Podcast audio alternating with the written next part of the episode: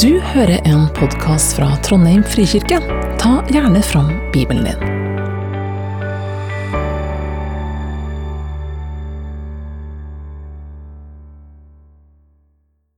Så for Jesus derifra og tok veien til landet kring Tyros og Sidon. Da kom det ei kanadisk kvinne fra dette området og ropa, Herre, du Davids sønn, miskunna deg over meg. Dattera mi er ille plaga av ei vond ånd. Men han svarer henne ikke et ord. Da gikk læresvennene fram og ba han, bli ferdig med henne, hun går og roper etter oss. Men han svarer, jeg er ikke sendt til andre enn de bortkomne sauene i Israels hus. Da kom hun og falt ned for han og sa, Herre, hjelp meg. Han svarer, det er ikke rett å ta brødet fra barna og kaste det til hundene. Det er sant, Herre, sa kvinna, men hundene eter de smulene som faller fra bordet til eierne deres.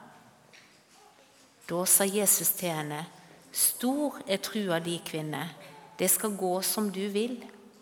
Og dattera ble frisk i samme stunda.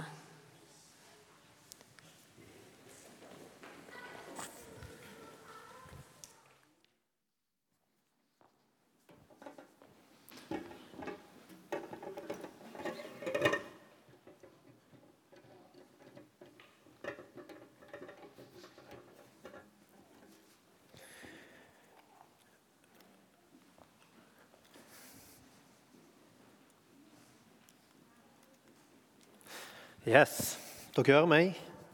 Det er bra. Det som er fint med å tale på en sånn sommergudstjeneste, er at du kan velge teksten helt sjøl. Eh, så da valgte jeg den der 'Jesus kaller ei kvinne for en hund'. For det syns jeg er fint. Eh, Jesus og den kanoneske kvinnen er en vanskelig tekst. Det er en tekst som eh, for oss som lever i 2023, kan synes er litt vanskelig. Vi lever i en hverdag der vi ofte får budskap i veldig korte former. Og vi er flinke til å ta mening ut av disse korte formene, enten det er Twitter eller små filmklipp på YouTube eller Instagram eller eh, hva det nå er. Men vi er også kanskje litt raske med å og dømme.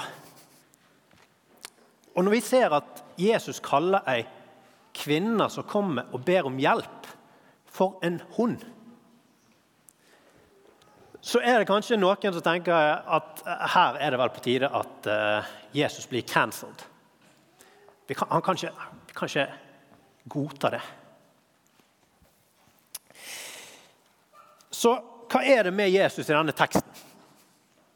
Hva er det som gjør at Jesus tenker at det er greit å kalle denne, jento, jento, denne kvinnen for en hund? Er det, er det sånn Jesus snakker til folk? Er det den Jesus vi ønsker å følge?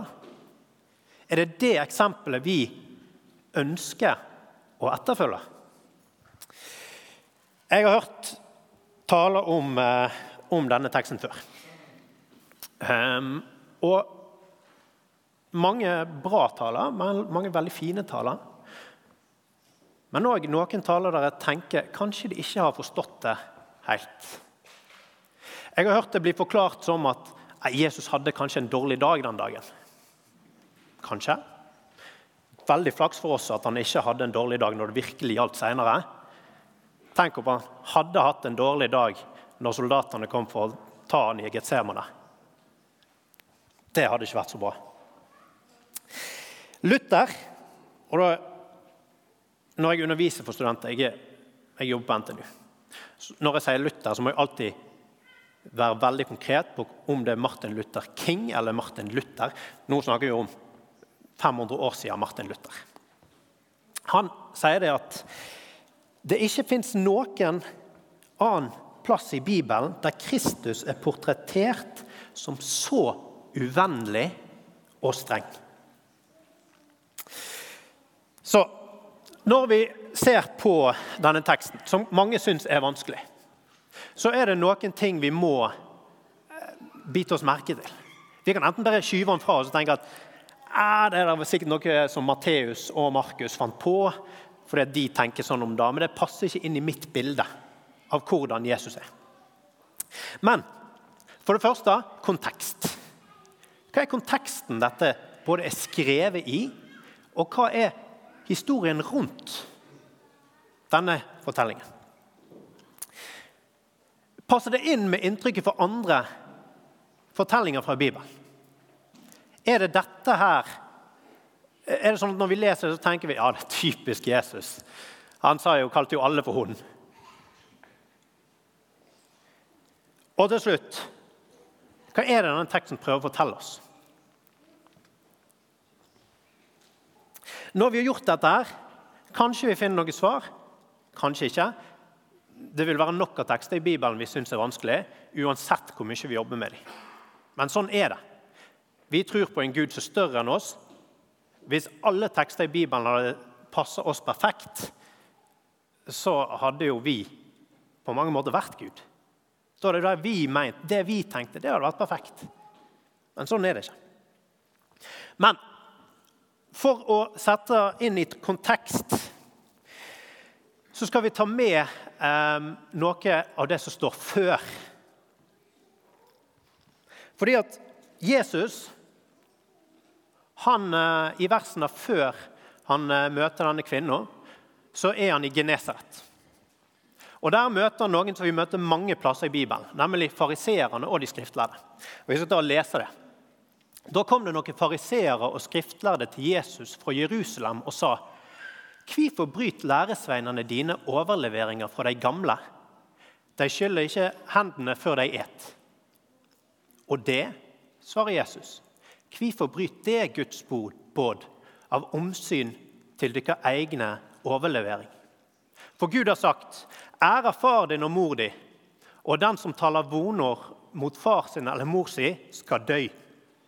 Men det lærer den som sier til far sin eller mor si, at den hjelpa du skulle hatt fra meg, skal være ei gave til tempelet. Han trenger ikke heidre far sin eller mor si. Slik har det sett Guds båd til sides av omsyn til deres egen overlevering. Det er hyklere. Jesaja profeterte rett om dykk da han sa dette folket ærer meg med leppene, men hjertet er langt borte fra meg. De dyrker meg fåfengt, for det de lærer, er menneskebåd. Og Så hopper vi til vers 12. Da gikk læresveinene til han og sa.: Veit du at fariseerne ble støtte da de hørte dette? Han svarer, Hver plante som ikke far min i himmelen har planta, skal rives opp med rot. Bry deg ikke om dem. De er blinde rettleier for blinde. Og når en blind leier en blind, øh, faller de begge i grøfta. Det ble litt lite. Allerede her er jo Jesus ganske streng, men her skjønner vi det på en måte. For her er det de som er ganske høyt oppe, som driver og lurer folk til sine egne måter å se ting på. I disse versene her så er han i Genesaret. Genesaret er et landområde innenfor det som tradisjonelt er Israel. Det er et område der, eh, der det først og fremst er jøder. Og Han krangler med dem om, om hva som skal til for å være rein og urein. Det handler om å vaske seg, bli rein på utsida. Og Det var noe jødene gjorde. Når de skulle i tempelet for å be, for eksempel, så vasker de seg på utsida. Det var et tegn på at de vaska av seg sin synd, så de kunne gå inn og tilbe. Når Jesus sier det han sier, så ligger det implisitt at ja, men det er ikke det det handler om. Og implisitt i det er det at Men hedningene de, da, er ikke de under samme, de samme reglene.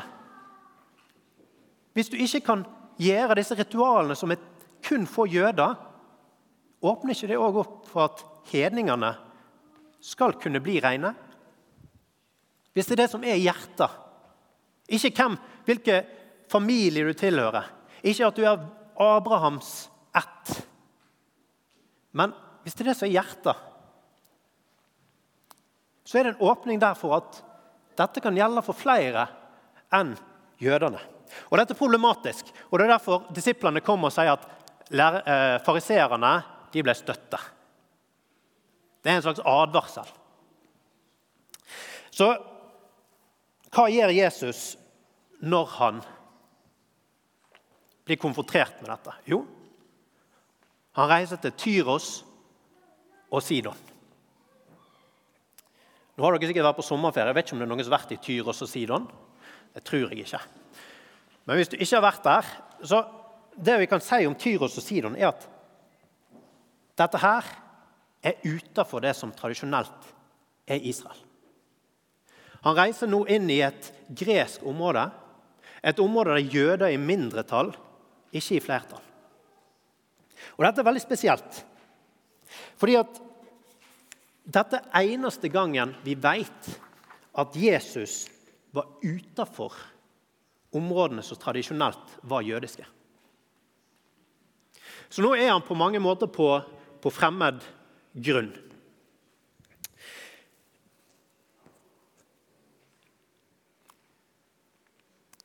Når han kommer dit, så møter hun denne kvinnen. Vi vet ikke hva hun heter, men vi vet at hun er ei kananeisk kvinne. I noen oversettelser står det fønikisk kvinne.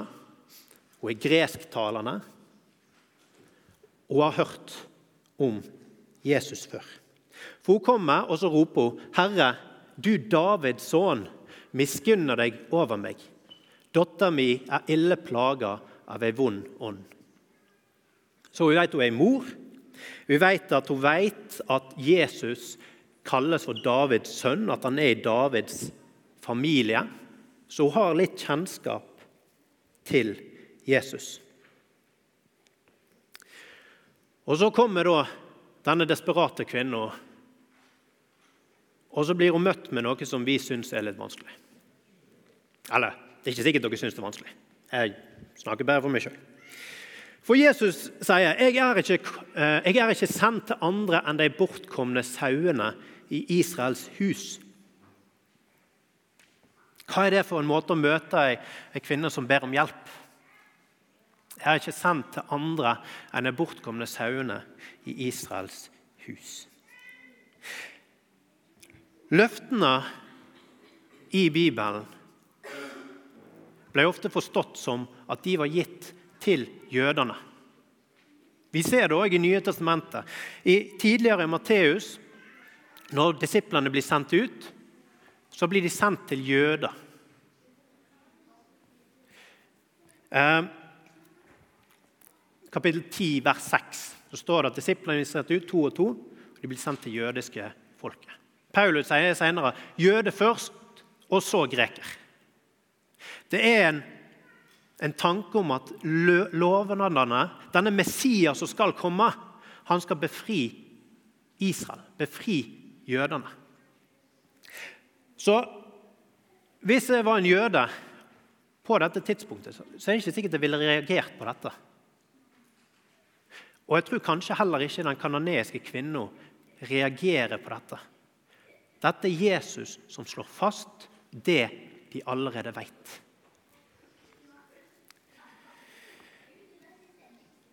Det er ikke uvanlig med skarpe skiller mellom jøder og ikke-jøder.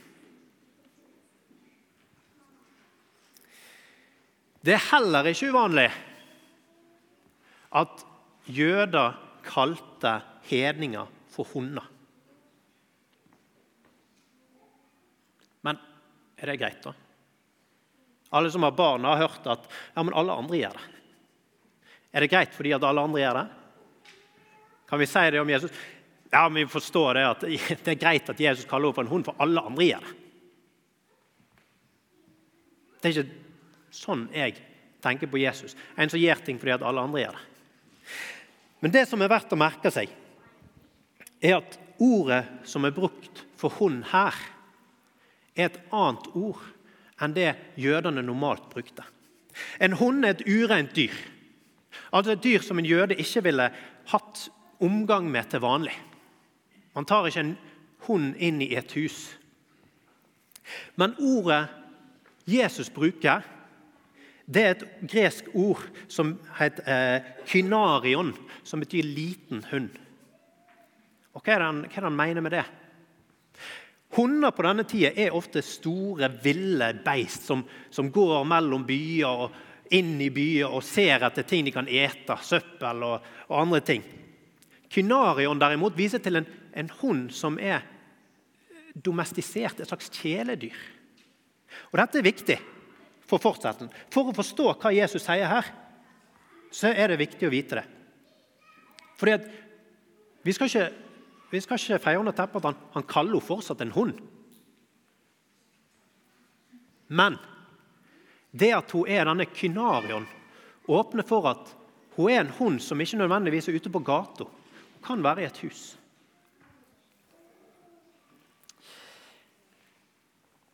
Så det er et tegn på at Jesus er ikke nødvendigvis ute etter å fornærme denne kvinnen. Men kanskje er det noe annet. Men alt i alt så blir hun fortsatt kalt en hund. Når Jesus kaller henne en hund, så må vi stille oss sånn, er det et mønster her. Er dette sånn Jesus taler til kvinner andre plasser i Bibelen? Og Hvis du leser Bibelen, som jeg håper du gjør, så er det påfallende hvor positivt kvinner i Bibelen kommer ut av det. Nesten alltid når kvinner er nevnt, så kommer de veldig godt ut av historien. Enten de er prostituerte eller har hatt sykdom i mange, mange år, så taler Jesus nesten alltid til dem på en, en veldig inkluderende og varm måte. Kvinnene er de første som møter Jesus etter oppstandelsen. De er de første som får viderebringe budet, eh, det nye eh, ordet om at han har stått opp. Kvinner som kneler med Jesus' føtter, får æren av å salve han for hans gaver. Kvinner kommer veldig godt ut av det, stort sett. Men ikke denne. Iallfall ikke ved første øyekast. Så hvis kvinner har et nært forhold til Jesus og kommer godt ut av det, så passer ikke dette inn i de mønstrene, sånn som vi leser det med en gang. Det er heller ikke et mønster at han taler nedsettende om hedninger. I Matteus 8, 5-3 så møter han en, en offiser, en romersk offiser, eller en centurion. Da Jesus gikk inn i Kapernaum, kom det en offiser til han og ba om hjelp. 'Herre', sa han, 'tjenestegutten min ligger lam hjemme og har svære plager.' Jesus sa, 'Jeg skal komme og leke ham.' 'Herre', svarer offiseren, 'jeg er ikke verdig til at du kommer inn under mitt tak.' 'Men si bare et ord, så blir tjenestegutten min lekt.' 'For jeg må sjøl lyde de som er over meg, og jeg har soldater under meg.' Sier jeg til en 'gå', så går han. Og til en annen 'kom', så kommer han. Og til tjeneren min 'gjør dette', så gjør han det. Da Jesus hørte det, undret han seg og sa til de som fulgte han, 'Sannelig, jeg sier dykk, ikke hos noen i Israel har jeg funnet slik ei tru.' Og det skal de vite. Mange skal komme fra øst og fra vest og sitte til bords med Abraham og Isak og Jakob i himmelriket. Det er en del likheter her med kvinner, som vi skal se. Selv om han er ganske mer imøtekommende med en gang med offiseren, så skal vi se at det er en del likheter mellom offiseren og denne kvinnen. Og det er en del likheter mellom fariseeren vi har møtt, og slutten på denne teksten. For han sier men barna av rike skal kastes ut i mørket utenfor, der de gret og skjært tenner. Og Jesus sa til offiseren, gå, det skal skje slik du trodde. Tjenestegutten ble frisk i samme stund. Det virker også ganske streng, denne teksten her på slutten. og Vi kunne snakka mye om det. Eh, men vi kommer tilbake til mange av disse poengene.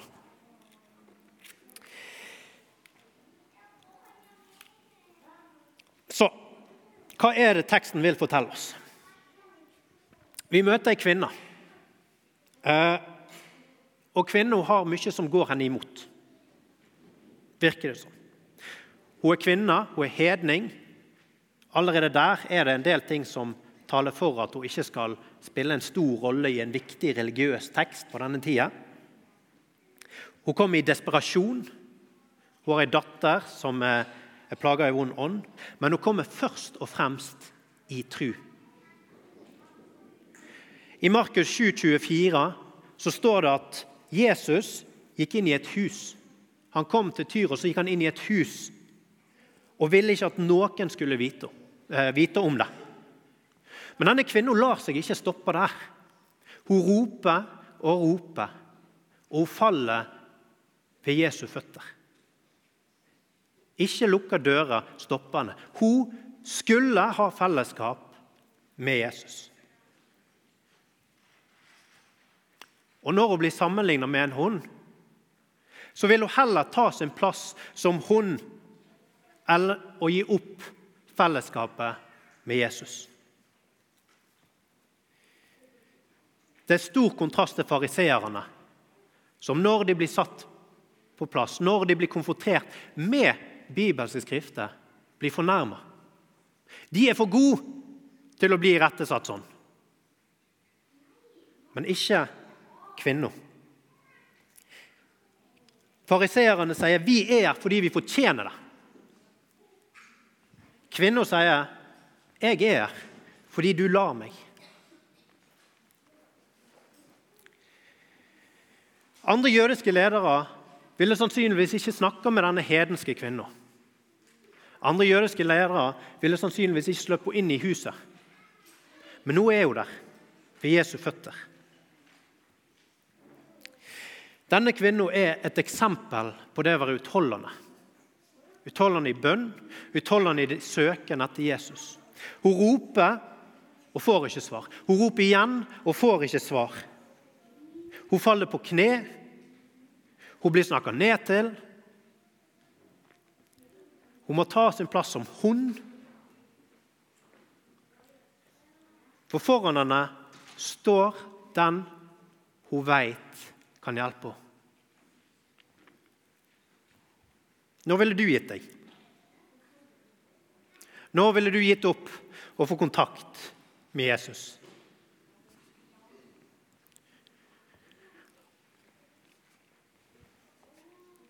Jeg er ikke så veldig flink å be. Altfor dårlig. Men jeg har mange i min familie som jeg vet er utholdende i bønn. Og for sånne som meg, som, som ikke er så gode på å be som vi burde vært, så er den kanadiske kvinnen en utfordring til oss. Og for dere som er flinke til å be, som dag etter dag, år etter år holder ut i bønn, så er historien om den kanadiske kvinnen en lovnad.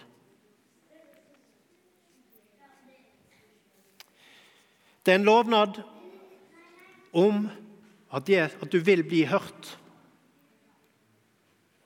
Men er det en lovnad om å få være en hund? Nei. Den kanoniske kvinnen svarer så frimodig. Det er sant, Herre.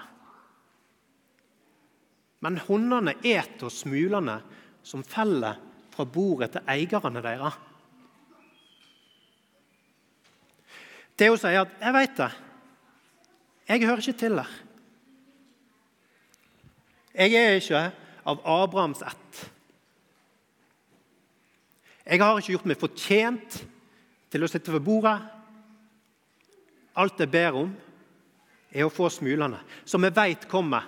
Jeg veit at sjøl hundene får noe. Det er alt.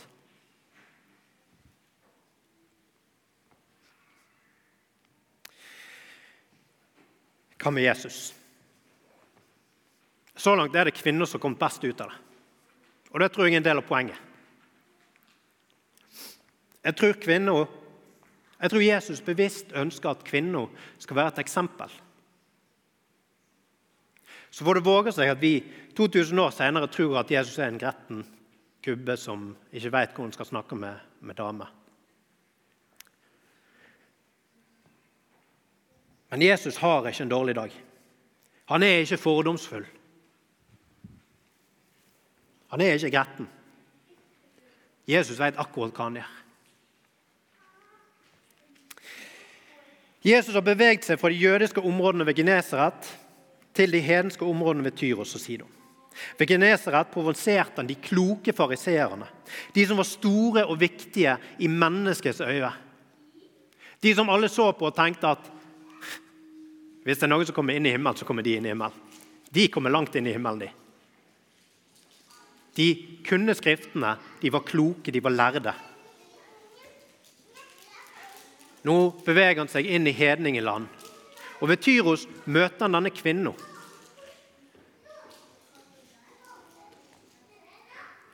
Og I likhet med fariseerne så konfronterer han kvinnen med noe som kan være vanskelig.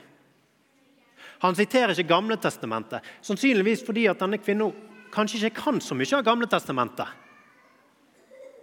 Men han taler et språk som hun kan. Og I motsetning til fariseerne så sier ikke kvinnen at hei, dette her er jeg for god for. Dette finner vi ikke i. Du, du sammenligner meg med en hund. Det finner vi ikke i. Det er ikke det hun sier. Hun sier ja, jeg fortjener ikke din nåde. Men gi meg smulene. Gi meg noe. La meg være i ditt hus. Om ikke vi må ikke annet som på gulvet. Som en hund.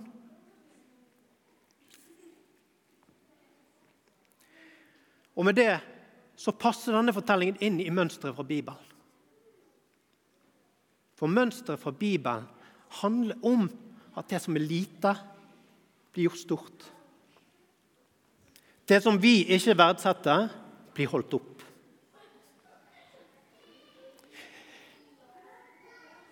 Og Jesus han sier du trenger ikke å vente. Stor er de tru. Det er ikke mange Jesus sier at stor er de tru til.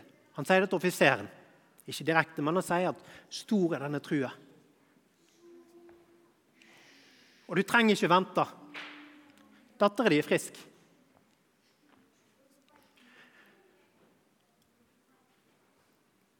Kvinna er villig til å ta sin plass ved Jesu føtter. Og Jesus sier at du Du har forstått det. Det handler ikke om deg, det handler om meg. Det handler om min nåde. Og på grunn av det skal du være mitt barn.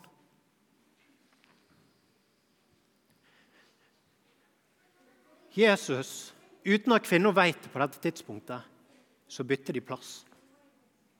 Jesus skal senere ta vår plass som hun. Han skal være utafor, så vi kan få plass ved bordet som hans barn. Så er ikke dette en fortelling om ekskludering. Det er ikke en fortelling om at kvinner er mindre verdt, eller at hedninger står utafor. Det er fortelling om det motsatte. Det er fortelling om hvordan vi kan se vår plass som helt ufortjent Guds barn. Det en utfordring til oss. Er vi som fariseerne som sier at 'jeg fortjener å være der'? Se på alt jeg har lest. Se alle timene jeg har gått på skole for å lære Guds ord. Jeg fortjener å være der. Eller sier vi som kvinner La meg sitte ved ditt bord. Ikke fordi jeg fortjener det, men fordi at du lar meg. Martin Luther sier det. Han gir henne ikke bare hundekår, men plasserer henne blant Abrahams barn.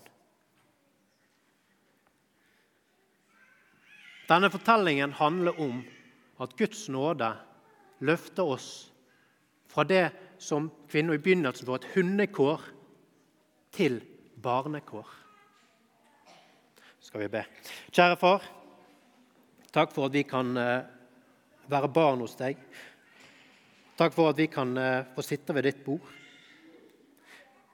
Takk for at du bruker det som er lite i menneskets øyne, og gjør det stort. Hjelp oss å forstå at det er din nåde, ikke våre kunnskaper og ferdigheter, som teller.